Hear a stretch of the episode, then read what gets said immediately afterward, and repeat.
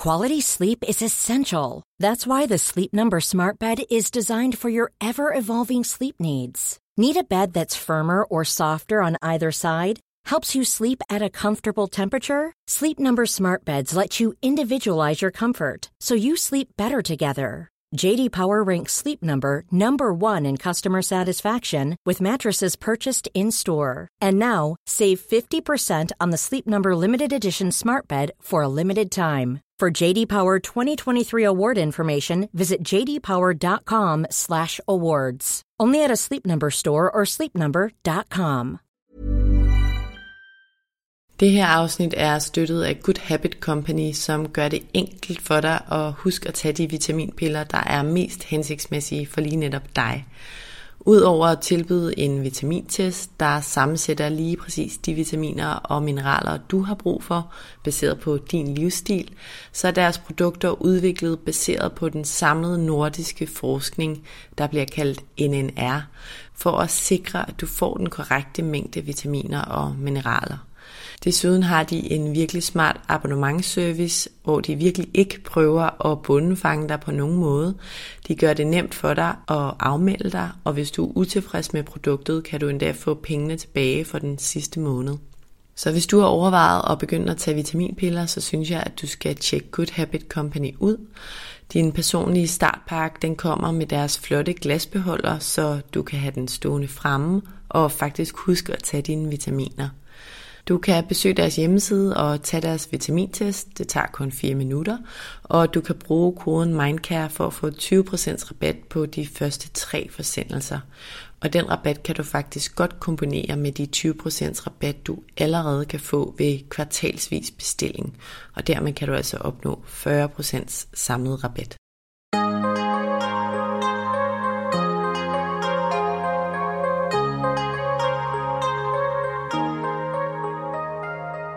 Vores mentale sundhed er nedadgående, og det er til trods for, at vi aldrig har været rigere, aldrig har haft flere muligheder og aldrig har levet længere. Det skal vi selvfølgelig tale højt om, så vi kan blive klogere på, hvordan vi får det bedre. Podcasten her handler om, hvordan vi kan lykkes med at være gladest og friest muligt i det ene, ofte ret travle liv, vi har. Og den handler om, hvordan vi kan lykkes med at være både professionelt ambitiøse og passe på os selv på samme tid. Jeg taler med eksperter og privatpersoner om alt det, der fylder inde i os. Min erfaring er, at når vi taler højt om de ting, så opdager vi, at der er mange andre, der bøvler med de samme ting. Og jeg tror virkelig på, at vi kan lære af og inspirere hinanden ved at dele vores sårbarheder, erfaring og viden. Så velkommen til Vores Mentale Sundhed, en Mindcare Collective podcast.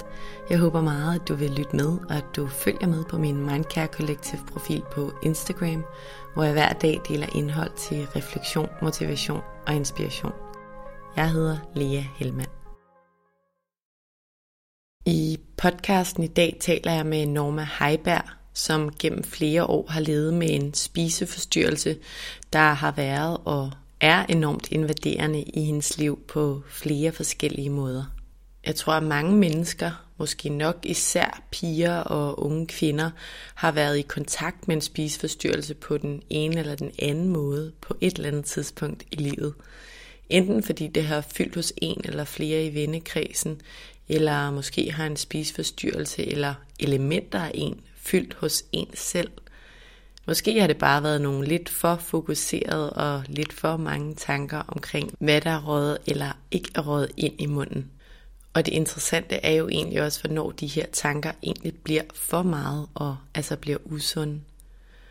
Normas historie, som hun fortæller i dag, er helt klart af en meget alvorlig karakter, og det synes jeg er vigtigt at nævne. Men spiseforstyrrelser, de er vigtige at tale om, fordi de faktisk fylder hos flere, end vi tror og derfor har jeg Norma med i studiet i dag. Som altid, hvis du kan lide det, du hører, så bliver jeg virkelig glad, hvis du vil rate podcasten her i din podcast-app. Du kan smide nogle stjerner, eller en thumbs up, eller hvad der nu er muligt i den podcast, du lytter i.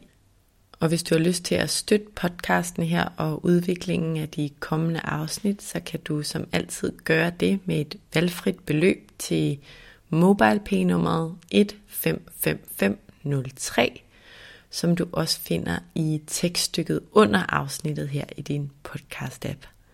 og tak for at lytte med. Velkommen til Norma Heiberg. Tak. Norma, jeg er glad for, at du vil være med i dag her i vores mentale sundhed. I dag så skal vi tale om dig, om dit liv, om de psykiske forhindringer, kan vi kalde dem, som du lever med til hverdag. Du er meget åben om, at du lever med en spiseforstyrrelse, og det er en ret alvorlig en af slagsen, synes jeg godt, at vi kan kalde den. Det kommer vi tilbage til. Spiseforstyrrelser, de kan jo vise sig i mange forskellige former og udtryk, og jeg tror, at rigtig mange nok, især unge mennesker, og nok primært piger og unge kvinder, uden at jeg ved det egentlig helt og kender statistikkerne. Men jeg tror, at mange har mødt en spiseforstyrrelse, eller i hvert fald som minimum elementer af en spiseforstyrrelse på den ene eller den anden måde i løbet af livet. Og som nævnt, så er din historie en del mere alvorlig end gennemsnittets. Det synes jeg er vigtigt at understrege, når vi, når vi taler i dag. Men jeg synes, at emnet omkring spiseforstyrrelse, det er enormt vigtigt også at få talt højt om. Så tak fordi du vil være med til det. Inden vi dykker ned i din historie og din erfaring, så vil jeg gerne lige som altid kort introducere dig. Du hedder Norma, du er 29 år gammel, og du er lige flyttet til Esbjerg med din kæreste og din hund. Du har for ikke så længe siden fået konstateret ADHD, og derudover så har du, som vi jo især skal tale om i dag, levet 15 år med en invaderende spiseforstyrrelse. PT så er du indlagt på grund af den for at få hjælp til at finde balancen, som du selv har beskrevet det. Og udover det, så er du optaget helt generelt af at informere folk om, hvordan det er at leve med en psykisk sygdom, og så brænder du helt personligt for pædagogfaget. Er det en uh, retvisende overordnet introduktion af dig? Det synes jeg i hvert fald. Dejligt. Lad os springe ud i det, Norma. Inden vi taler om, hvordan den her spiseforstyrrelse, den fylder i dig og i dit liv, og hvad den gør ved din hverdag, kan du så ikke starte med at sætte os ind i, hvordan det hele startede? Hvornår begyndte den her spiseforstyrrelse at fylde i dit liv? Ja, altså øh, der er jo selvfølgelig noget, som går længere tilbage, end, end fra når det her startede. Men det starter i, i 8. klasse øh, på en tur, som jeg er på, hvor at jeg får set mig, mig selv i et spejl. Og så begynder alle de her tanker ligesom at overtage omkring kroppen og sammenligninger med andre, og jeg føler, at jeg er enormt stor. Jeg kommer også fra en familie, hvor at, øh, der er tendens til overvægt, så på en eller anden måde tror jeg, at jeg har bare været i det altid, og måske ikke tænkt så meget over det. Men det er som et lyn fra en skykart himmel, at jeg får øje på det der, og går i panik. Jo simpelthen, jeg får, jeg får et chok, der slår mig helt ud af kurs. Og så begynder jeg ellers bare at undersøge, og hvordan kan jeg tabe mig, hvordan, hvordan kan jeg træne mere, og så, så når du ser dig selv i det spejl der i 8. klasse, så ser du en, der er større end de andre i klassen, eller hvad du ser? Jeg ser en krop, der er større, end jeg selv troede, den var. Og så ser jeg en krop, som jeg synes er større end de andre pigers. Mm. Samtidig så, så er der det her med, at man begynder at løbe med drenge. Og jeg kan ikke forstå, hvorfor der ikke er nogen, der vil være min kæreste. Men folk vil rigtig gerne være min ven. Og der begynder, begynder jeg jo at drage sådan en ja, uhensigtsmæssig kobling mellem, at det nok er, fordi jeg, jeg er for tyk. Mm, ja, for der kan jo være virkelig mange grunde til, at man er en god ven med drengene i 8. klasse. Ja, ja, præcis. Men du begynder så at undersøge ting på internettet? Ja, altså hvordan, hvordan kan man ligesom overholde et vægttab?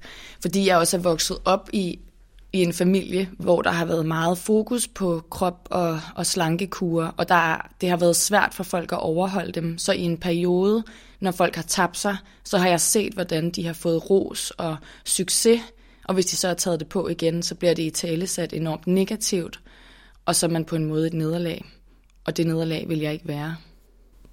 Så der var også nogle familiemønstre med, du tror har påvirket dig?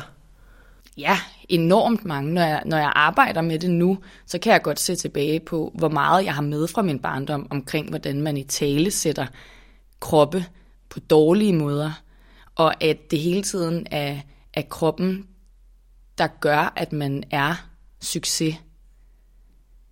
Når man ser godt ud, og når man er slank, og, og alle de her ting. Øh, og det er blevet i tale sat enormt dårligt.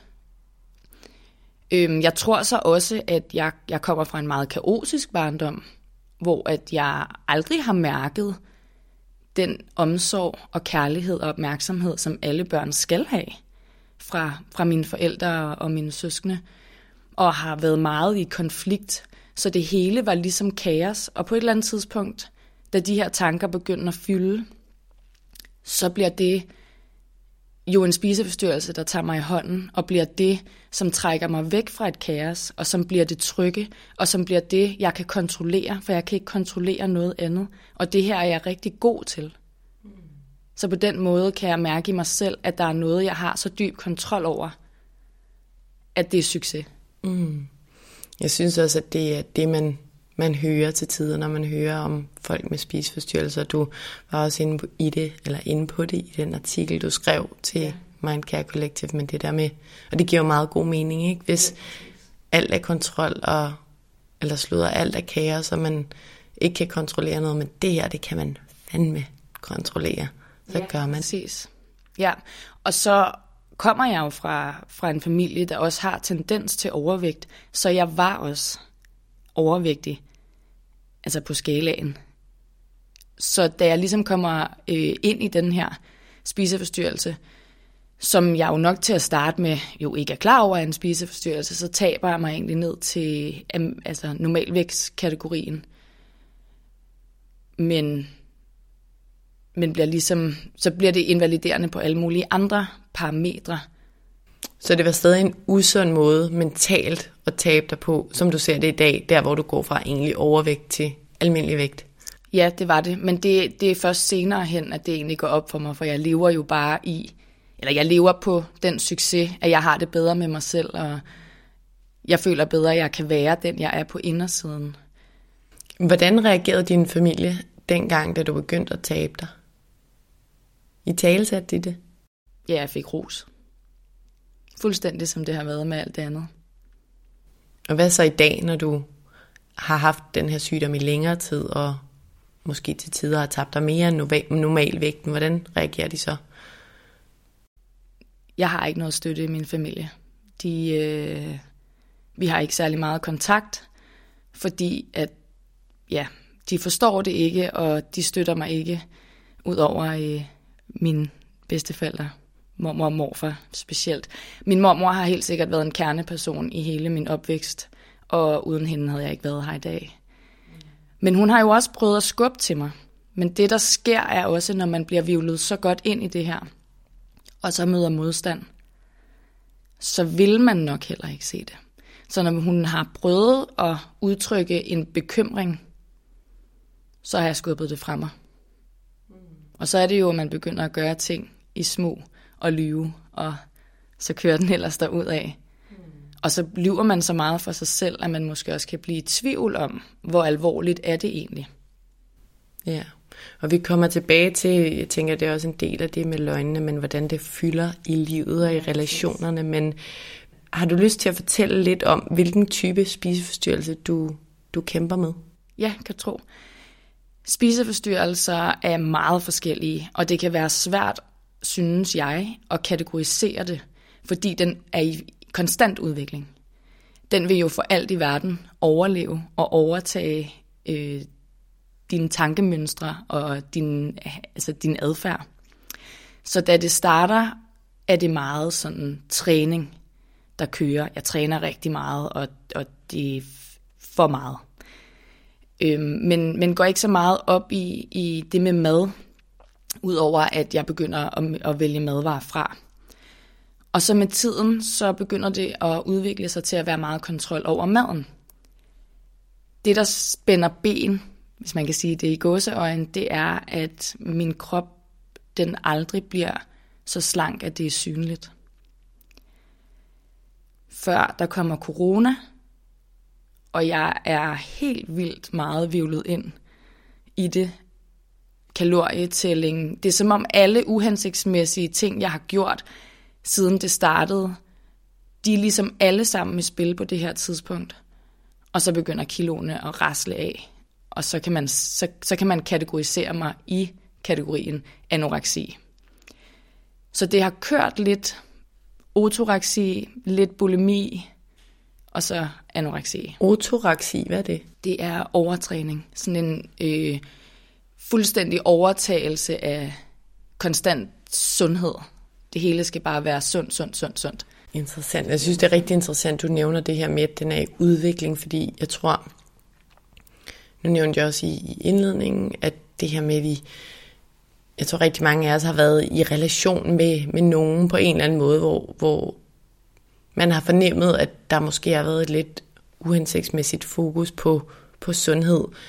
Men jeg kan da huske, at jeg gennem min ungdom har tænkt over, hvor den der grænse går. Fordi jeg kan da også huske en periode i gymnasiet, hvor uh, så blev brød og pasta lige pludselig forbudt, og ja, folk trænede. Og måske det der med, at man nogle gange kunne få dårlig samvittighed, når man havde spist noget med ja, en pizza eller sukker eller et eller andet, hvor jeg stadig ville sige, at det var, det var vel okay den måde, jeg for eksempel levede på for at kaste mig selv ind i det. Men jeg kan huske, at jeg tænkte sådan, men hvornår er det egentlig sygt for ni? Hvornår er det fornuft? Der er også noget med sundhed og sundhed, og nej, langt hen ad vejen er sukker jo ikke særlig godt, så hvornår er det bare sundhed, og hvornår er det en sygdom, og hvornår bliver de der tankemønstre ligesom for dominerende til, at det er godt for dig. Og jeg tænker, det også har noget at gøre med, hvor meget tid man bruger på det, fordi ja, igen kan man jo godt lidt fornemme nogle gange, når nogen bare også måske, måske de åbne om det, men at hele tiden har fokus på det. Så selvom det måske bare er, nu siger jeg i situationstegn, almindelig sundhed, de går op i, hvis de så tænker på det hele deres vågne tid, så er det jo stadig på en eller anden måde en, en usund tanke, der har overtaget dig. Så jeg tænker, at det er lidt det, det er interessant, det der med, hvornår er det, er man egentlig syg. Men hvornår finder du ud af, Norma, at, at det er alvorligt, det du kæmper med? Det finder jeg ud af, efter at jeg har boet i Australien et år, hvor at mine venskaber begynder at trække sig, fordi jeg ikke er særlig rar at være omkring. Fordi jeg altid har været en rigtig god ven. I hvert fald altid fået at vide, at jeg er en rigtig god ven. Og kan godt lide mine venskaber. Da der så begyndte at køre nogle ting omkring, jeg ikke var særlig rar at være ven med, der var jeg nødt til at se en lille smule ind af og finde ud af, hvorfor er det, jeg ikke er en god ven. Og det var, fordi alting handlede om at blive tynd. Hvordan kom det til udtryk i dine venskaber? Jeg aflyste ting. Jeg havde ikke øh, lyst til at være sammen med folk, fordi jeg hellere ville træne.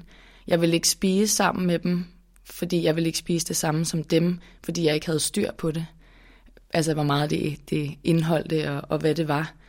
Og så øh, humørsvingninger. Altså, jeg var vred, eller også så var jeg, var jeg altså, ked af det, eller helt op at køre glad. Så meget sådan også i humørsvingninger, og jeg, jeg kunne ligesom ikke være den ven, som jeg gerne ville være. Så det er der omkring, at jeg første gang begynder sådan at opsøge. Det, som jo er spændende i forhold til det, som du også siger, det er, at vi har mødt rigtig mange, som også bare er optaget af det, og hvornår er det, at det går hen og bliver sygeligt. Og det er jo nok, når det er det eneste, det handler om, og man begynder at lyve, og man begynder at sno sig uden om ting, og man har sine egne ting med til alt, hvad man skal til, og man gider kun have venskaber, som gider eventuelt træne eller bevæge sig. Hvis dine venner det på det her tidspunkt, var du åben omkring din, din sygdom i den der periode, eller dine udfordringer? Det synes jeg, at jeg var. Det kan godt være, at jeg, jeg har nok ikke været det nok, men det er jo igen det her med, hvad er det for et samfund, vi lever i? Hvad er det, vi er optaget af, så man kan blive i tvivl over for sig selv? Er det bare mig? Plus, jeg er så optaget af det, at det er jo det vigtigste for mig i hele verden. For op i mit hoved er det ikke succes at være overvægtig. Der er det succes at være tynd, og jeg har jo altid drømt om at være det, jeg så i bladene og på sociale medier, der selvfølgelig ikke var så hyped på det tidspunkt, men Er det stadig det, du tænker? At, at at være overvægtig ikke er succes? Det ærlige svar er ja. Det er det. Og jeg tror, jeg tror, at, at det med at dykke ned i arbejdet med, hvorfor jeg har den opfattelse, kan ændre det. Jeg er nødt til at, at forstå, hvorfor jeg har det sådan. Og jeg er også nødt til at være ærlig overfor, altså når, når, når folk spørger mig om forskellige ting, så, så vil jeg hellere være ærlig. Og nogle gange så får jeg jo dårlig samvittighed, fordi jeg synes, det gør ondt. Men det er altså mit syge tankemønster, der tænker sådan. I det her forum er jeg i hvert fald rigtig glad for, at du er ærlig, for det er jo hele formålet. Præcis. Norma, inden vi lige taler om, hvad det øh, gør sådan helt lavpraktisk i dit liv, kan vi så ikke tale en lille smule om, om din ADHD? Jeg ved godt, det er ikke det, vi skal tale om i dag, selvom jeg forestiller mig, at du, du også generelt er åben om det, men øh, koblingen mellem din spiseforstyrrelse og ADHD, kan du ikke fortælle lidt om det? Gør det det værre, bedre? Er, det, er der ingen kobling, eller hvordan ser du det? Jeg har jo for nylig fået den her diagnose, og jeg ved ikke så meget om det, fordi jeg ikke er dykket ned i det endnu. Men der er helt sikkert nogle ting, der giver mening i forhold til, hvorfor jeg blev optaget af det her. Når man har ADHD, så er det jo også en form for koncentrationsbesvær. Og det her med, hvis tingene ikke er interessante, så bliver det rigtig svært at, at, at komme igennem. Og derfor har jeg aldrig været god i skolen. Højst sandsynligt, fordi det ikke interesserede mig. Men det her, det interesserer mig så meget, at det er det, jeg går op i med ild og sjæl. Og det her med også at være aktiv og få have en forståelse for sådan, der er også en årsag til, hvorfor det er så møghamrende svært at skulle have en spiseforstyrrelse, der er alvorlig, og også skulle have ADHD. For hvorfor kan jeg ikke bare ligge mig ned og se en film? Det er simpelthen ikke muligt. Så der er noget med at dykke ned i at finde balancen og en mellemvej, så man tager de mere hensigtsmæssige valg i forhold til spiseforstyrrelsen, og lære sin ADHD rigtig godt at kende. Eller lære sig selv rigtig godt at kende. Det er jo det, altså dyk, dyk ind i en selv og ikke være bange for det. Mm, jeg forstå, hvorfor man handler, som man gør, ikke? Jo, præcis. Jeg kom lige til at tænke på en ting. Jeg opsøgte hjælpen første gang der efter Australien, fordi jeg selvfølgelig opdager, at det er alvorligt, men bliver ikke mødt i øjenhøjde. Så jeg tager en maske på, kører 180 km i timen derudad, men ved godt, at jeg har det dårligt. Hvordan bliver du ikke mødt? Jeg, bliver, jeg, jeg har en følelse af, at jeg bliver negligeret, fordi man ikke kan se på mig, at jeg har en spiseforstyrrelse, hvilket jo er et problem i samfundet, som vi er nødt til at have i talesæt, at man sagtens kan være enormt spiseforstyrret og syg, selvom at man ikke ser undervægtig ud. Fordi vi har så mange idéer om, hvad anoreksi er, eller hvad bulimi er, eller de andre spiseforstyrrelser, der findes. Men man kan ikke putte det ned i en kasse, fordi ingen er så ens. Men jeg tager jo bare en maske på at køre der ud af, og så kommer corona, og der er det jo, det begynder at blive synligt på mig.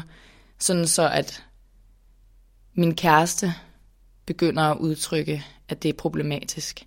Og der har jeg jo opnået succesen så meget. Jeg bliver tyndere og tyndere og tyndere.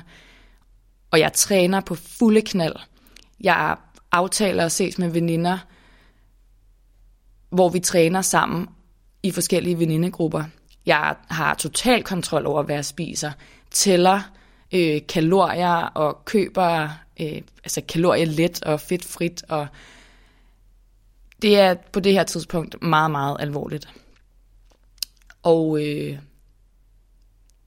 der tror jeg også først, det er, da jeg ligesom bliver konfronteret med det, af flere mennesker, der sætter sig ned og siger, at det her er et problem, at jeg bare knækker helt sammen.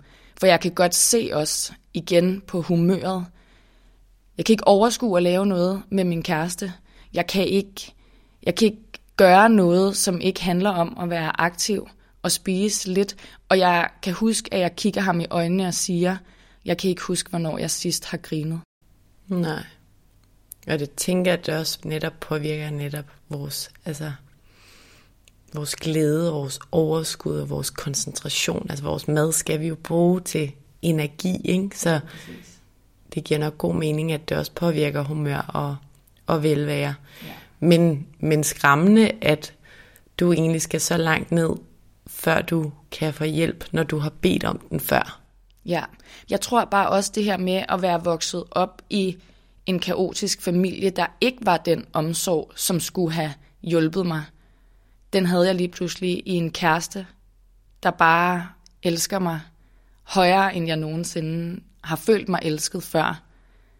Og derfor tror jeg, at jeg tog det seriøst for første gang nogensinde, fordi jeg godt kunne se, jeg kan ikke leve med en spiseforstyrrelse, der ødelægger så meget for mig. Nej. Og nu er du inde på noget af det, jeg rigtig gerne også vil tale om, altså hvordan det fylder, fordi den her podcast handler jo om det, der fylder ind i os, og hvordan det ligesom har konsekvenser for vores liv og vores glæde og vores hverdag og vores ambitioner. Og du er lidt inde på nu her med nogle venskaber og noget din kæreste. Kan du ikke fortælle lidt mere, måske nogle lavpraktiske eksempler på, hvornår det er svært i, ja, i venskaberne eller i forhold med sin familie eller med fremmed? Hvad, hvad er svært? Jo, altså nu har jeg jo så også været indlagt i halvandet år, så der er jo selvfølgelig en lille smule forskel, eller okay, det er løgn, der er rigtig meget forskel på, inden jeg sagde ja til indlæggelse og gå ind i det, hvordan det var svært at være i det der, og hvordan det er nu, og vi kommer jo også ind på det senere i forhold til fremtid og sådan noget. Men det, som er sværest, det er, at det er som om, det er den, der dikterer, hvad der skal ske. Så hvis der ikke er planlagt, hvordan det er med træning og mad, så, så, så, så gakker jeg helt ud og bliver hysterisk over de mindste ting. Og sådan har du det stadig efter halvandet år i med indlæggelser? Jeg har jo lært, jeg har noget værktøj med derudefra, som har lært mig, hvordan jeg skal håndtere de her ting. Men jeg har selvfølgelig stadig følelsesmæssige udsving, som kan stå i vejen. Jeg har accepteret, at jeg er nødt til at planlægge. Vi er nødt til at have planlagt en uge. Hvad skal der ske? Hvordan skal jeg planlægge i forhold til mad? Hvordan skal jeg planlægge i forhold til træning? Som jo selvfølgelig nu, mens jeg er i behandling, er mere hensigtsmæssig. Men det her med, at jeg ikke har kunnet lave andet med min kæreste, end at være aktiv. Skal vi sætte os ned og, og drikke en øl? Skal vi sætter os ned og drikker en kop kaffe? Har du lyst til at gå ud og spise brunch? Og jeg er bare fuldstændig kaotisk af sådan, det, det kan jeg ikke. Det er jo enormt invaliderende for dit liv, for du kan ikke gøre de ting, som du kan se gør andre glade. Du kan ikke gøre de ting, som du tror gør dig glad, eller de ting, som du ved gør dig glad. Så det hele er ligesom, i hvert fald inden jeg blev indlagt, var det jo meget det her med, hvor mange kalorier er forbrændt, hvor mange kalorier kommer ind.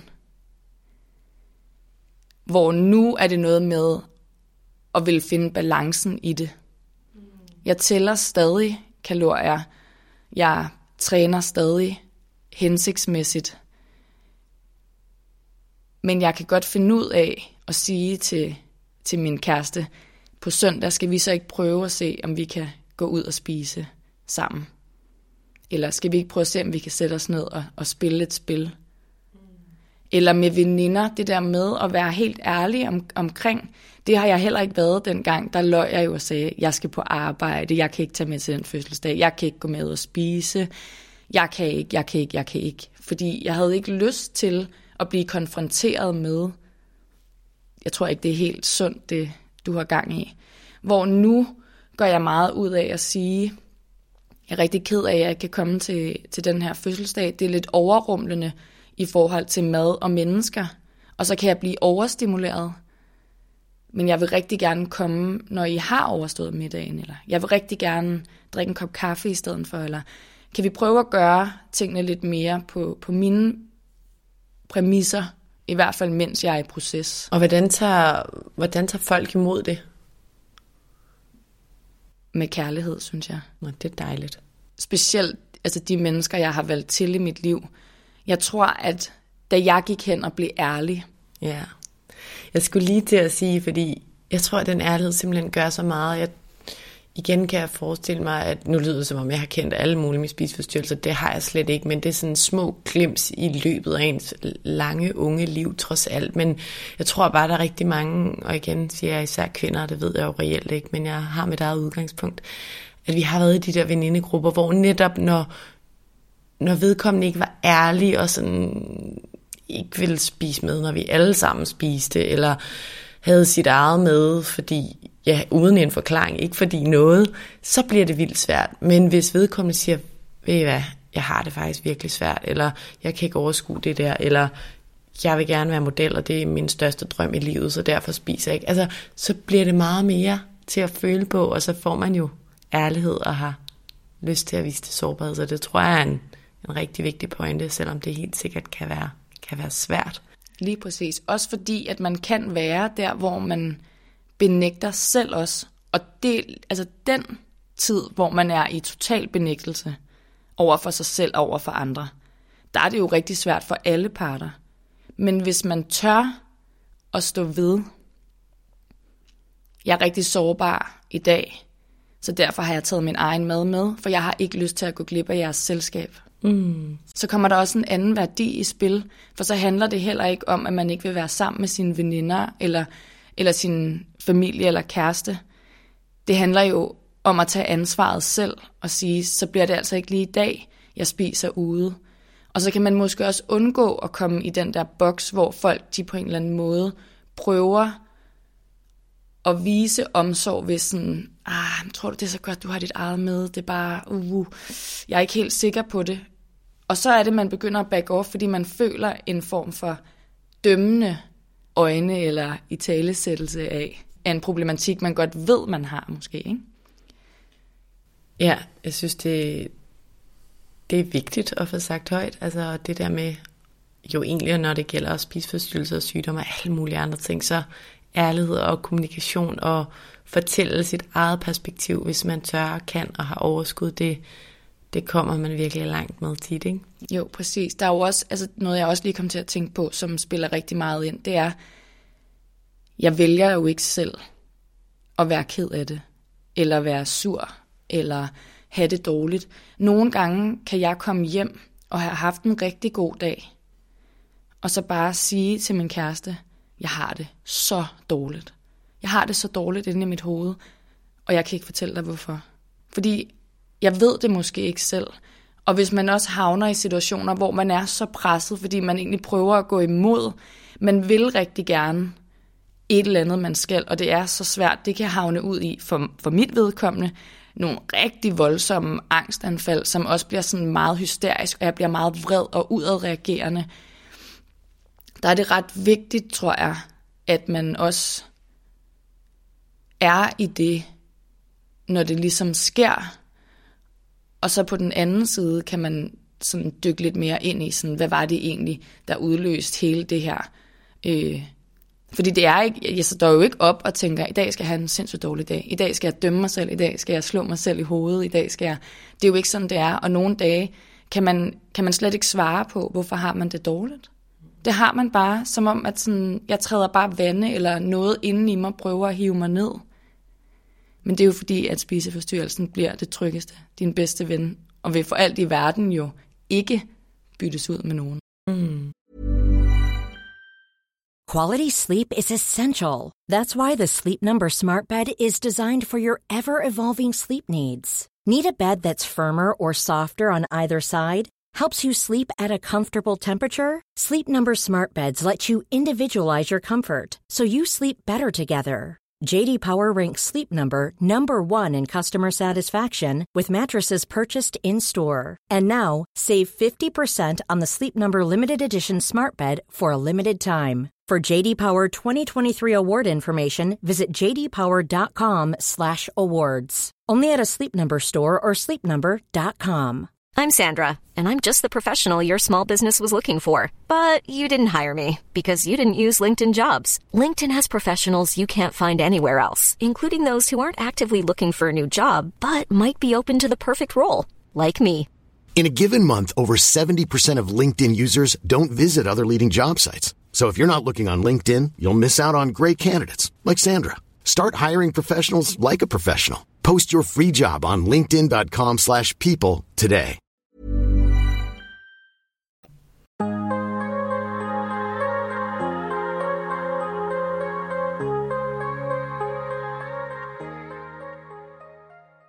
Jeg synes, når vi taler om det her med, hvordan det fylder i dit liv, og nu var vi inde på nogle eksempler før, da vi talte i telefon sammen for noget tid siden, os to, der fortalte du om, om juleaften. Måske du lige kan fortælle det, hvis, hvor du faktisk endte med at, at ikke at være sammen med nogen. Ja, jamen det er jo igen det her med, at jeg har lært, hvad er det for nogle følelser, der kommer op i mig. Jeg var ikke øh, sammen med min familie, fordi jeg jo ikke har kontakt med dem. Men jeg havde muligheden for at være hjemme hos min kæreste og hans forældre. Og i løbet af dagen er det egentlig også det, der er planen. Og lige pludselig kan jeg bare mærke, jeg ved ikke, hvad jeg skal spise. Jeg har ikke trænet. Hvordan, altså sådan, jeg, jeg kan slet ikke komme igennem den her dag. Det er for meget kaos. På den anden side er der muligheden for at sidde tilbage alene. Og måske være, altså i andres øjne i hvert fald, være, være, det er meget ensomt.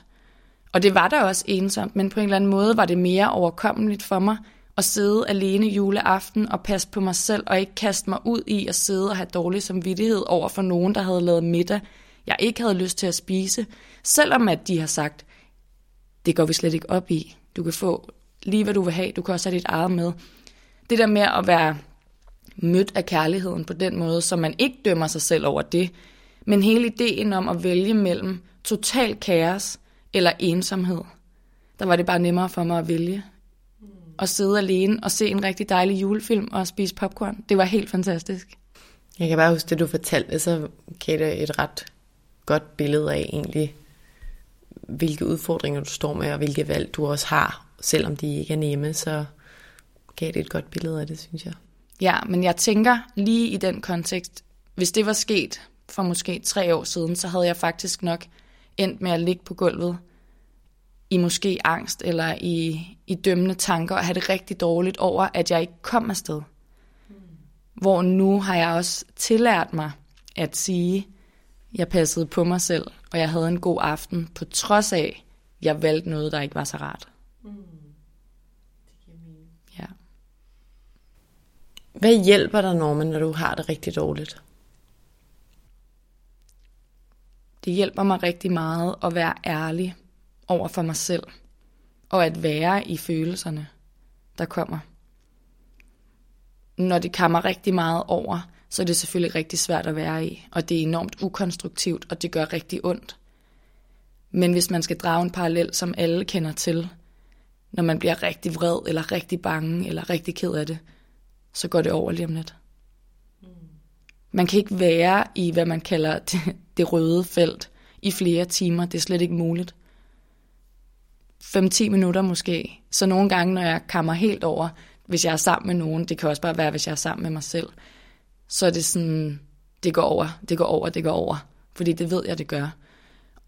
Og så er det mere konstruktivt at dykke ind i. Og så er der det her med, når jeg er ærlig over for mig selv, så træffer jeg også nogle mere hensigtsmæssige valg. Synes du, at du, og jeg ved godt, det er et spørgsmål, der måske er svært at svare på, nu spørger jeg alligevel, ja. synes du, du kan være ærlig, 100% ærlig over for dig selv i dag? Altså sygdom er jo en, der er koblet med mange løgne og over for sig selv og for andre. Er du et sted, hvor du vil sige, du kan være 100% ærlig over for dig selv? Det ærlige svar er måske 90%. Ja. Det kommer også lidt an på, hvad det er for nogle dage, jeg har haft, og hvad der er sket. Men så vidt muligt, det der med at være ærlig over for mig selv, det er nemmere jo, end at være ærlig over for andre. Men jeg er blevet ret god til at kunne sige, hvis jeg sidder over for nogen, og de spørger om et eller andet, og så svarer jeg. Og så når jeg lige at tænke, og så siger jeg, det var løgn. Det passer faktisk ikke. Og så få en lille griner over sådan, det var, det var mine spiseforstyrrede tanker, der lige overtog det rigtige svar af det her. Mm. Og så bliver jeg jo konfronteret med ærligheden, og hvor vigtig den er, og kan se den der frygt for, hvordan folk vil reagere. Det er slet ikke sådan, de reagerer. Altså, jeg, jeg bliver virkelig mødt med kærlighed. Fordi folk jo også ser mig som andet end min spiseforstyrrelse. Ja. Heldigvis. Heldigvis, og selvfølgelig. Men det er jo også enormt sårbart, det du gør der, ikke? Og, og stærkt, altså at, at indrømme sine egne løgne. Ja, præcis. Jeg tror bare, jeg har fundet ud af på min vej, at hvis jeg lyver over for mig selv og lyver over for andre, så står jeg bare stille. Så jeg vil hellere være ærlig og sige, jeg har en dårlig dag. Jeg kan ikke det her. Og så kan det måske ændre sig. Eller når begrænsningerne er der, så se, hvad for nogle muligheder opstår der så for mig.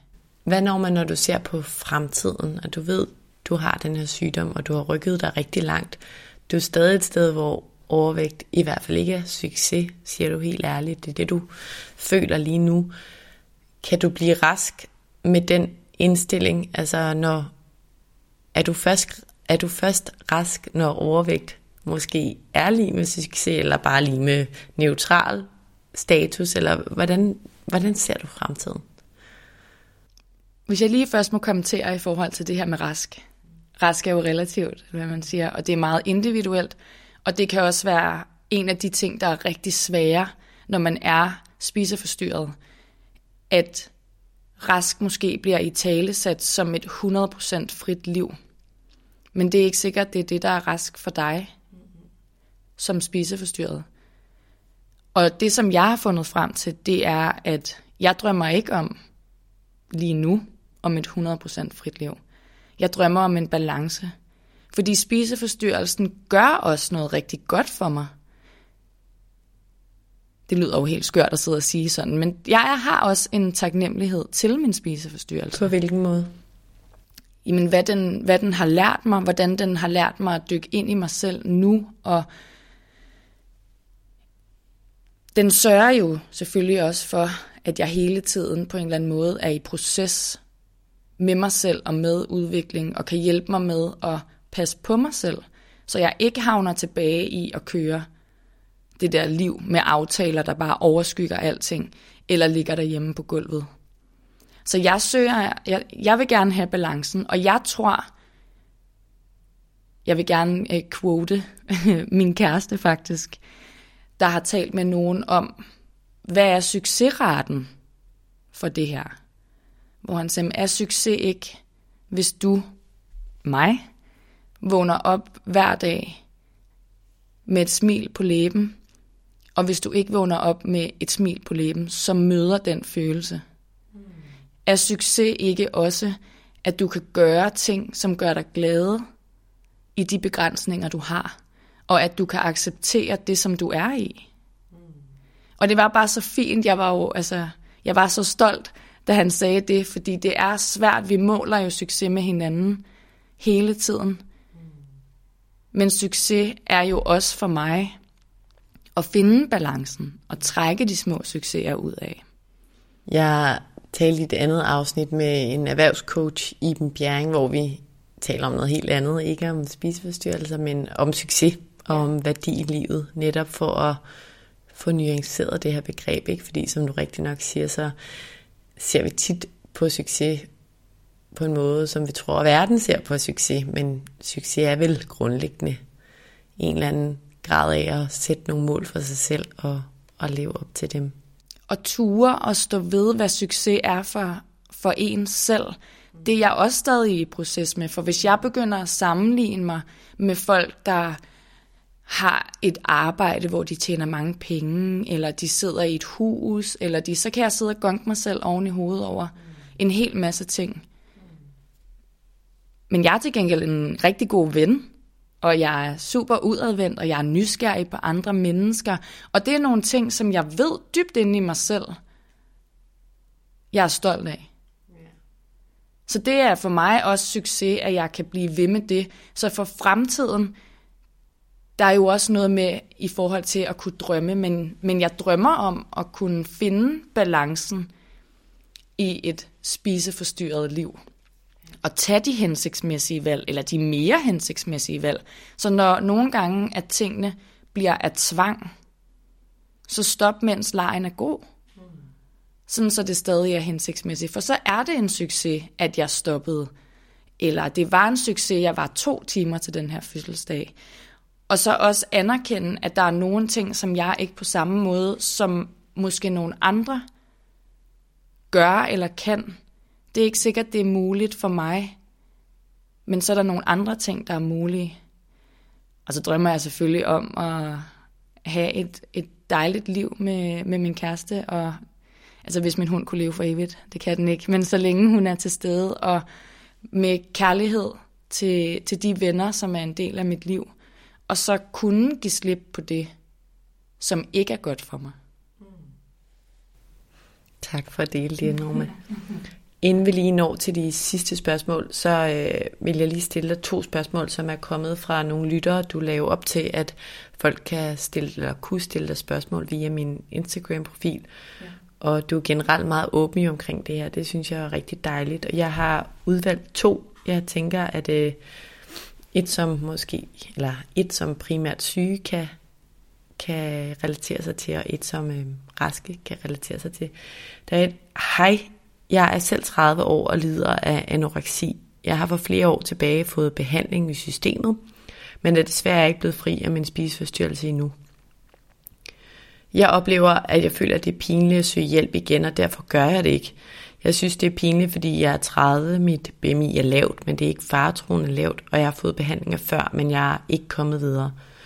Derfor føler jeg, at jeg ikke passer ind i behandlingssystemet, hvor de fleste er ekstremt tynde og meget unge kvinder. Hvordan takler Norma det? Og hvordan fandt hun generelt mod til at søge hjælp? Vi har jo været lidt inde på det her med ikke at være tynd nok til at blive taget alvorligt, men har du nogen, nogen, et andet svar eller et uddybende svar til, til hendes spørgsmål? Ja, altså for det første, så forstår jeg godt det her med, at ideen om, at alle er helt vildt tynde, og alle er meget unge, den lever. Men sådan er det ikke. Der findes jo så mange forskellige former, og jeg synes, at systemerne, både inden for private og, inden for specielt det offentlige, som jeg er i og er rigtig glad for, er, er, er i en eller anden udvikling også. Og den er vi jo også en del af, os der er indlagt og er som spiseforstyrret, til at ligesom gøre opmærksom på til omverdenen, at man ikke behøver at være livstruende tynd for at være spiseforstyrret. Jeg tror også, at den her med at fortælle sig selv hele tiden, at man skal ikke være et bestemt sted for at have ret til at få hjælp. Det er vigtigt at få i tale sat over for sig selv, at jeg har også ret til hjælp. Du skal ikke opnå noget bestemt for at have ret til hjælp. Og så måske det kan lyde lidt hårdt, det er ikke så hårdt, som det lyder, men ture, det er rigtig svært, men tag ansvaret for at sige, jeg har ret til den her hjælp. Vi er så mange i den her kasse, som står skulder ved skulder, og som hjælper hinanden. Så der er også, altså der er selvfølgelig både gode og dårlige fællesskaber, men der er også et, et fællesskab, hvor at det er ligegyldigt, hvad for en alder du har, og det er ligegyldigt, hvad størrelse du har. Så det handler egentlig om en, en indre tro på, at at turde sige højt, at jeg har ret til hjælp. Ja, præcis. Og jeg ved godt, at det er lettere sagt end gjort. Men det lyder som om, at den her kvinde jo godt ved, at det er et problem. Hun er godt klar over de her ting. Så jeg synes, at hun skal minde sig selv om, hvor mega sej hun er, og hvor meget ret til hjælp hun har. Det er vigtigt, at man tør at tage ansvaret for at sige, at man har brug for den her hjælp, og ligesom kunne skabe et møde med dem, som kan tilbyde en hjælpen. Og så skal man have lyst til at tage imod den. Men en rigtig vigtig faktor for mig, det var også sæt realistiske mål. For så kan du opnå succes. Hvis du sætter urealistiske mål, så er det nemmere at føle sig som et nederlag. Som min fysioterapeut sagde til mig under min døgnindlæggelse, hvis du bad mig om at gro vinger, så vil jeg vide, at det ikke kunne lade sig gøre. Og det er meget i tale sat ude blandt samfundet, at enten så er man, som vi har diskuteret, rask, med de øjne, som samfundet måske tænker er det helt frie liv, eller også så er man tabt, så kommer man aldrig ud af det. Men hvad er der imellem? Ligesom mig, jeg vil gerne finde balancen. Der er en balance at finde, og du skal bare ture og tro på, at du har ret til at finde den balance. Hmm, det giver mening. Lad os tage det andet spørgsmål, som er også en, en kvinde, der skriver, hvis du, Norma, var veninde med dig selv, og som veninde ikke var syg med en spiseforstyrrelse, hvordan ville du så forholde dig til eller behandle dig selv med den viden, du har, hvis din veninde ikke var ærlig omkring den her spiseforstyrrelse? Hvordan skal man behandle en veninde med, med spiseforstyrrelse? Skal man blande sig og i tale ting, der er svære? Skal man komme med råd, eller skal man lade være? Hvad ønsker man fra sine veninder, når man endnu ikke er ærlig endnu? Kærlighed og omsorg. Men skal man sige det? Skal man udtrykke sin bekymring? Ja, med, med kærlighedens sprog. Jeg synes, at man skal huske på, at hvis man har en spiseforstyrret veninde, så øh, vil de højst sandsynligt tage afstand. Og når man har fået den afstand, hvis man møder dem med sådan en, du er simpelthen blevet så tynd, øh, jeg synes, du har et problem, kan du ikke selv se det med på den her måde, så vil den afstand være rigtig svær at gøre mindre igen. I forhold til, når jeg siger, mød dem med kærlighed, så vis og i talesæt, at man er bekymret. Har du brug for noget? Hvad kan jeg gøre for dig? Hvis man sætter sig ned med en veninde og siger, jeg, jeg synes, det virker som om, at du er på vej ud af et uhensigtsmæssigt spor. Kan jeg hjælpe dig? Har du brug for noget for mig? Jeg elsker dig. Jeg vil, jeg vil ikke miste dig. Og når man måske så er mere ærlig øh, som spiseforstyrret i sin proces, så er der jo forskellige veje, man kan gå. Lad os sige, jeg træner jo for eksempel. Og nu træner jeg på en meget mere hensigtsmæssig måde. Så, så min veninde kunne sige til mig, har du så lyst til, at vi går til dans sammen om mandagen? Vi mødes dernede sammen.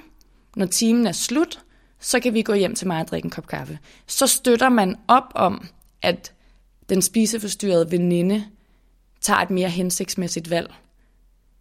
Ved at have været til den træning en time frem for seks timer i fitness alene måske. Eller kan sige, har du lyst til, at vi prøver at, at lave noget mad sammen? Og hvis veninden så siger, at jeg vil gerne have mit eget med, okay, kan vi så kan vi gå i dialog eller sådan omkring, kan vi på en eller anden måde prøve at øve os i noget andet, eller... Hmm. Men det bliver jo alt sammen ja. nemmere, hvis, hvis den, nu kalder jeg det den syge, den med spiseforstyrrelsen, er, eller slutter, er ærlig. Altså fordi så kan man ja. tage den dialog, så det ikke bliver sådan en, må jeg siger noget forkert nu, fordi hvis han, hun ikke har indset det endnu, så er vedkommende vel stadig noget denial, og så, bliver det, så kan man jo ikke rigtig snakke om det. Nej, og det er, også, det, er, altså, det er jo også et virkelig svært spørgsmål. Fordi måske kan jeg ikke helt huske, hvordan jeg var over for mine veninder, da jeg var i total benægtelse. Hvor at når jeg har arbejdet så meget med det nu, er det selvfølgelig nemmere for mig at sidde og sige. Men det vigtigste er ikke at være berøringsangst. Lad være med at putte din veninde ned i en kasse omkring alle de forestillinger, du har om, hvad en spiseforstyrrelse er. Mød hende som det menneske, hun er, og de problematikker, hun så måske kan vi håbe, godt tør at åbne op for, og så lade være at være bange. Man må også gerne skubbe lidt til veninden, men man kan jo godt mærke efter, hvornår skal jeg holde lidt igen. Så sådan giv støtten og kærligheden og omsorgen. Fordi man kan ikke blame nogen. Man kan ikke blame en veninde for at komme med kærlighed og udtrykke sin bekymring. Nej, det er rigtigt. Mm. Men det er svært. Det er sindssygt svært. Og der er også en ting med at, at blive klog på, at det her noget, du er lidt obsessed med, eller er vi på vej ned ad en sygelig retning? Og hvis man synes, det er rigtig svært, så kunne man jo undersøge, om man som veninde har nogle andre veninder eller bekendtskaber, som man kunne være fælles om og tale om, hvad kan jeg gøre? Og så ikke, jeg vil ikke sige, sæt jer ned og konfronter personen, alle veninder, men den ene veninde der kan søge noget hjælp i de andre. Eller familiemedlem, eller hvem det nu er, kæreste, eller sådan. Der er jo også noget med, jeg oplevede min kæreste var meget, når jeg sagde, nu løber jeg. Kunne du ikke have lyst til, at vi gik en tur sammen i stedet for? At det er det mere hensigtsmæssige valg? Eller kunne du ikke have lyst til, at du så løber en lille tur, og så sidder jeg herhjemme klar med kaffe, og så kan vi spille et spil. Og hvis jeg så bliver helt vildt sur og var sådan, nej, det vil jeg ikke. Jeg er her, hvis du vælger noget andet. Fordi man skal ikke være behandler. Man skal være veninde eller kæreste. Det kræver også noget, eller meget så, af den anden, ikke? Jo, det kræver noget af begge parter. Det gør det virkelig. Men der er bare virkelig, jeg synes, det er en vigtig faktor, at man ikke er berøringsangst, men at man er nysgerrig. Norma, når du ser tilbage på din fortid, er der så noget, du ville ønske, du havde gjort anderledes i forhold til, hvor du befinder dig i dag? Jeg vil ønske, at jeg havde mødt en som mig dengang, der tog mig i hånden og fortalte mig, det frie liv er ikke den eneste mulighed. Der findes en balance. Og så kunne arbejde med det derfra. Og så vil jeg ønske, at jeg havde haft kraften til at være ærlig over for dem, som jeg elsker. Mine venner. Det er du heldigvis i dag. Ja, præcis. Vi er ved at være ved vejs ende, men inden vi stopper, så vil jeg gerne lige høre dig om, hvad de tre ting eller tre reminders er, som er de allervigtigste for dig at huske på, når, når livet er svært. Hvad er de ting, som du ideelt vil eller burde minde dig selv om hver dag måske? Eller som andre, der, der kæmper med det samme, bør minde sig om? Altså jeg tænker, måske den der ærlighed, du har været inde på meget af, er en af dem. Det er det helt sikkert, ja. At være ærlig over for sig selv, allervigtigst, men også at være ærlig over for andre. For i det møde, der kan opstå noget helt specielt. Den anden ting, tror jeg, er at se de små succeser. At huske at i tale sætte de små succeser. Fordi på den måde, så bekræfter jeg mig selv i, at det hele ikke kun er nederlag. Og den tredje, det er, at balancen også eksisterer. Ja, som du har været inde på et par gange. Ja. Jeg tror, hvis jeg må få lov til at putte en fjerde ting på, Det må du gerne så synes jeg, at det er meget vigtigt, som den, der er syg, at huske på, når andre spørger, så lad være at vælge i godsøjen at føle dig krænket. Prøv at vælge og gøre folk nysgerrige og være ærlige. Alle de her ting, som vi har talt om i dag, sådan så, at vi kan få i tale sat, hvad det vil sige at være syg, og hvordan det er individuelt, og hvordan vi ikke kan komme i, komme i kasser. Fordi på den måde får man jo både i tale sat det over for sig selv, men også over for andre, at de måske også tør at spørge en anden gang, og at de tør at vise bekymring. Fordi det er bare så vigtigt, at vi får i tale sat de her ting over for andre mennesker, og vækker den der nysgerrighed, så vi ikke støder på eventuelt dumme kommentarer på vejen mellem hinanden, som måske kommer lidt uhensigtsmæssigt ud, for der er enormt meget uvidenhed omkring det her. Jeg tænker også, hvis vi kan få aftabuiseret det, så bliver det nemmere for alle parter, ikke? Jo, præcis. Og der er det altså også noget med, at der er, altså, vi har også et ansvar, som dem, der er syge, ved at i tale sætte det med stolthed og huske på, hvor meget vi får med. Specielt kan jeg sige i forhold til at gå i behandling der, hvor jeg er. Fordi vi fremstår måske som et meget svagt led i samfundet. Og hvis det er det, der bliver vores overbevisning, så sidder vi fast i det. Men den styrke, vi har inde i, den kan godt bruges til noget andet også. Og vi bliver så kloge på os selv. Og det kan vi også bruge over for andre mennesker, vi møder på vores vej. Så vi er mindre dømmende, vi er mindre invaliderende over for dem, vi møder. Så væk noget nysgerrighed hos folk. Norma, tusind tak, fordi du vil være med i dag for at dele så ærligt ud af din historie. Jeg tænker, at der måske er nogen derude, som kan genkende noget af det, du siger, som måske og forhåbentlig føler sig lidt mindre alene, når du vælger at tale så åbent, som du gør. Så tusind tak, fordi du kom. Tusind tak, fordi jeg var med.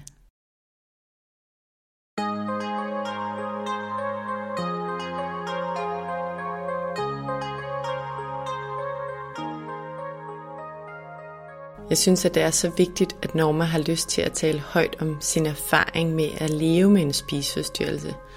Som jeg også nævnte i indledningen, så er Normas spiseforstyrrelse enormt invaderende og langt mere invaderende, end den er for mange. Fordi man kan selvfølgelig nemt være ramt af en spiseforstyrrelse uden at blive indlagt på en psykiatrisk afdeling for eksempel. Man kan altså sige, at Normas historie er en del mere ekstrem end gennemsnittets, når vi taler om spiseforstyrrelser. Men jeg tror også, at det kan give perspektiv at dele nogle af de historier og erfaringer, der er mere ekstreme end normalen, for måske at få sat tingene lidt mere på spidsen end ellers. En anden ting, jeg gerne vil nævne, er det her med, at det for mange kan være svært at vurdere, hvornår noget er en spiseforstyrrelse. Hvornår er noget for meget? Hvornår er det bare ekstremt sundt? Og hvornår er det et usundt sundhedsfokus? Det jeg i hvert fald tænker om spiseforstyrrelse, det er, at hvis man bruger mere tankekraft på, hvad man spiser eller ikke spiser, i forhold til at være til stede der, hvor man er, hvis man bekymrer sig uhensigtsmæssigt meget over planer i fremtiden for eksempel, på grund af den mad, der indgår, eller hvis man konsekvent slår sig selv i hovedet, når man spiser en croissant eller et stykke kage, så lyder det i hvert fald usundt i mit hoved. Eller det lyder i hvert fald enormt hårdt og jeg tænker, at det i hvert fald er noget, der tager frihed og nærvær væk fra vores liv. For det giver os jo alt andet lige nogle ekstra bekymringer, samtidig med at det fjerner vores mulighed for bare at nyde et nuværende øjeblik, altså nuet. Hvis vi har alle de her bekymrende, nøjeregnende, samvittighedsfulde tanker i hovedet omkring kalorieindtag konstant, men hvis vi lige vender tilbage til Normas situation, så er jeg ret sikker på, at hun er bevidst om de ting.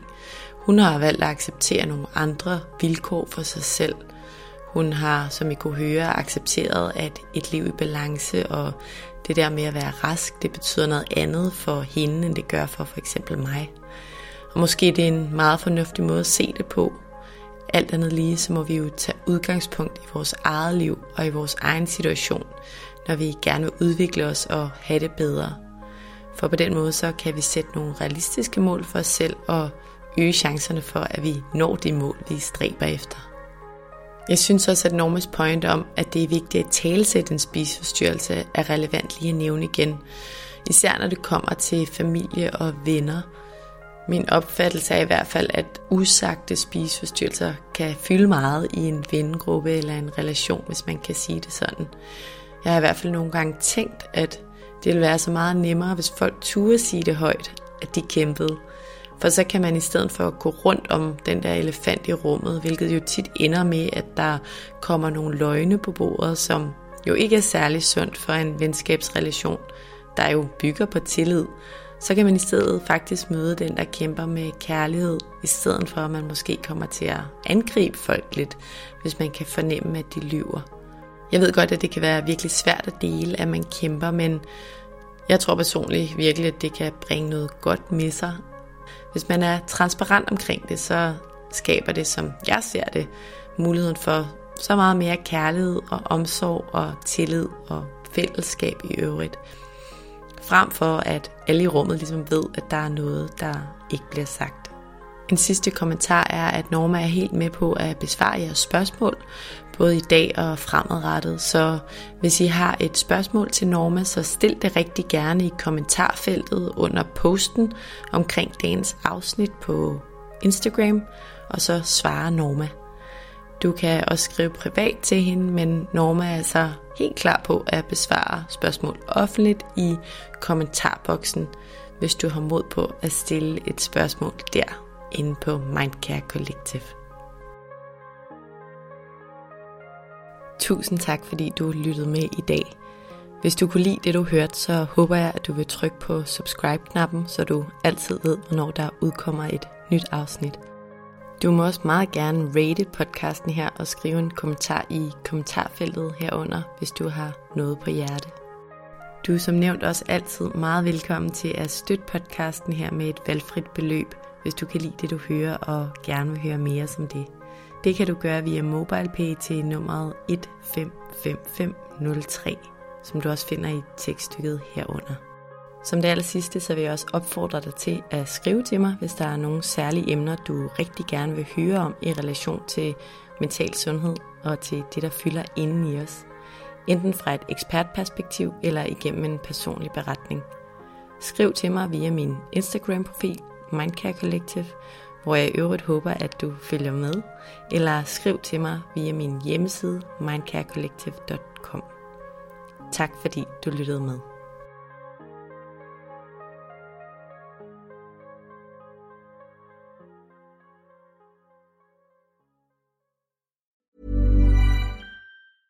Mom deserves the best, and there's no better place to shop for Mother's Day than Whole Foods Market. They're your destination for unbeatable savings, from premium gifts to show-stopping flowers and irresistible desserts. Start by saving 33% with Prime on all body care and candles. Then get a 15-stem bunch of tulips for just $9.99 each with Prime. Round out Mom's menu with festive rosé, irresistible berry chantilly cake, and more special treats. Come celebrate Mother's Day at Whole Foods Market.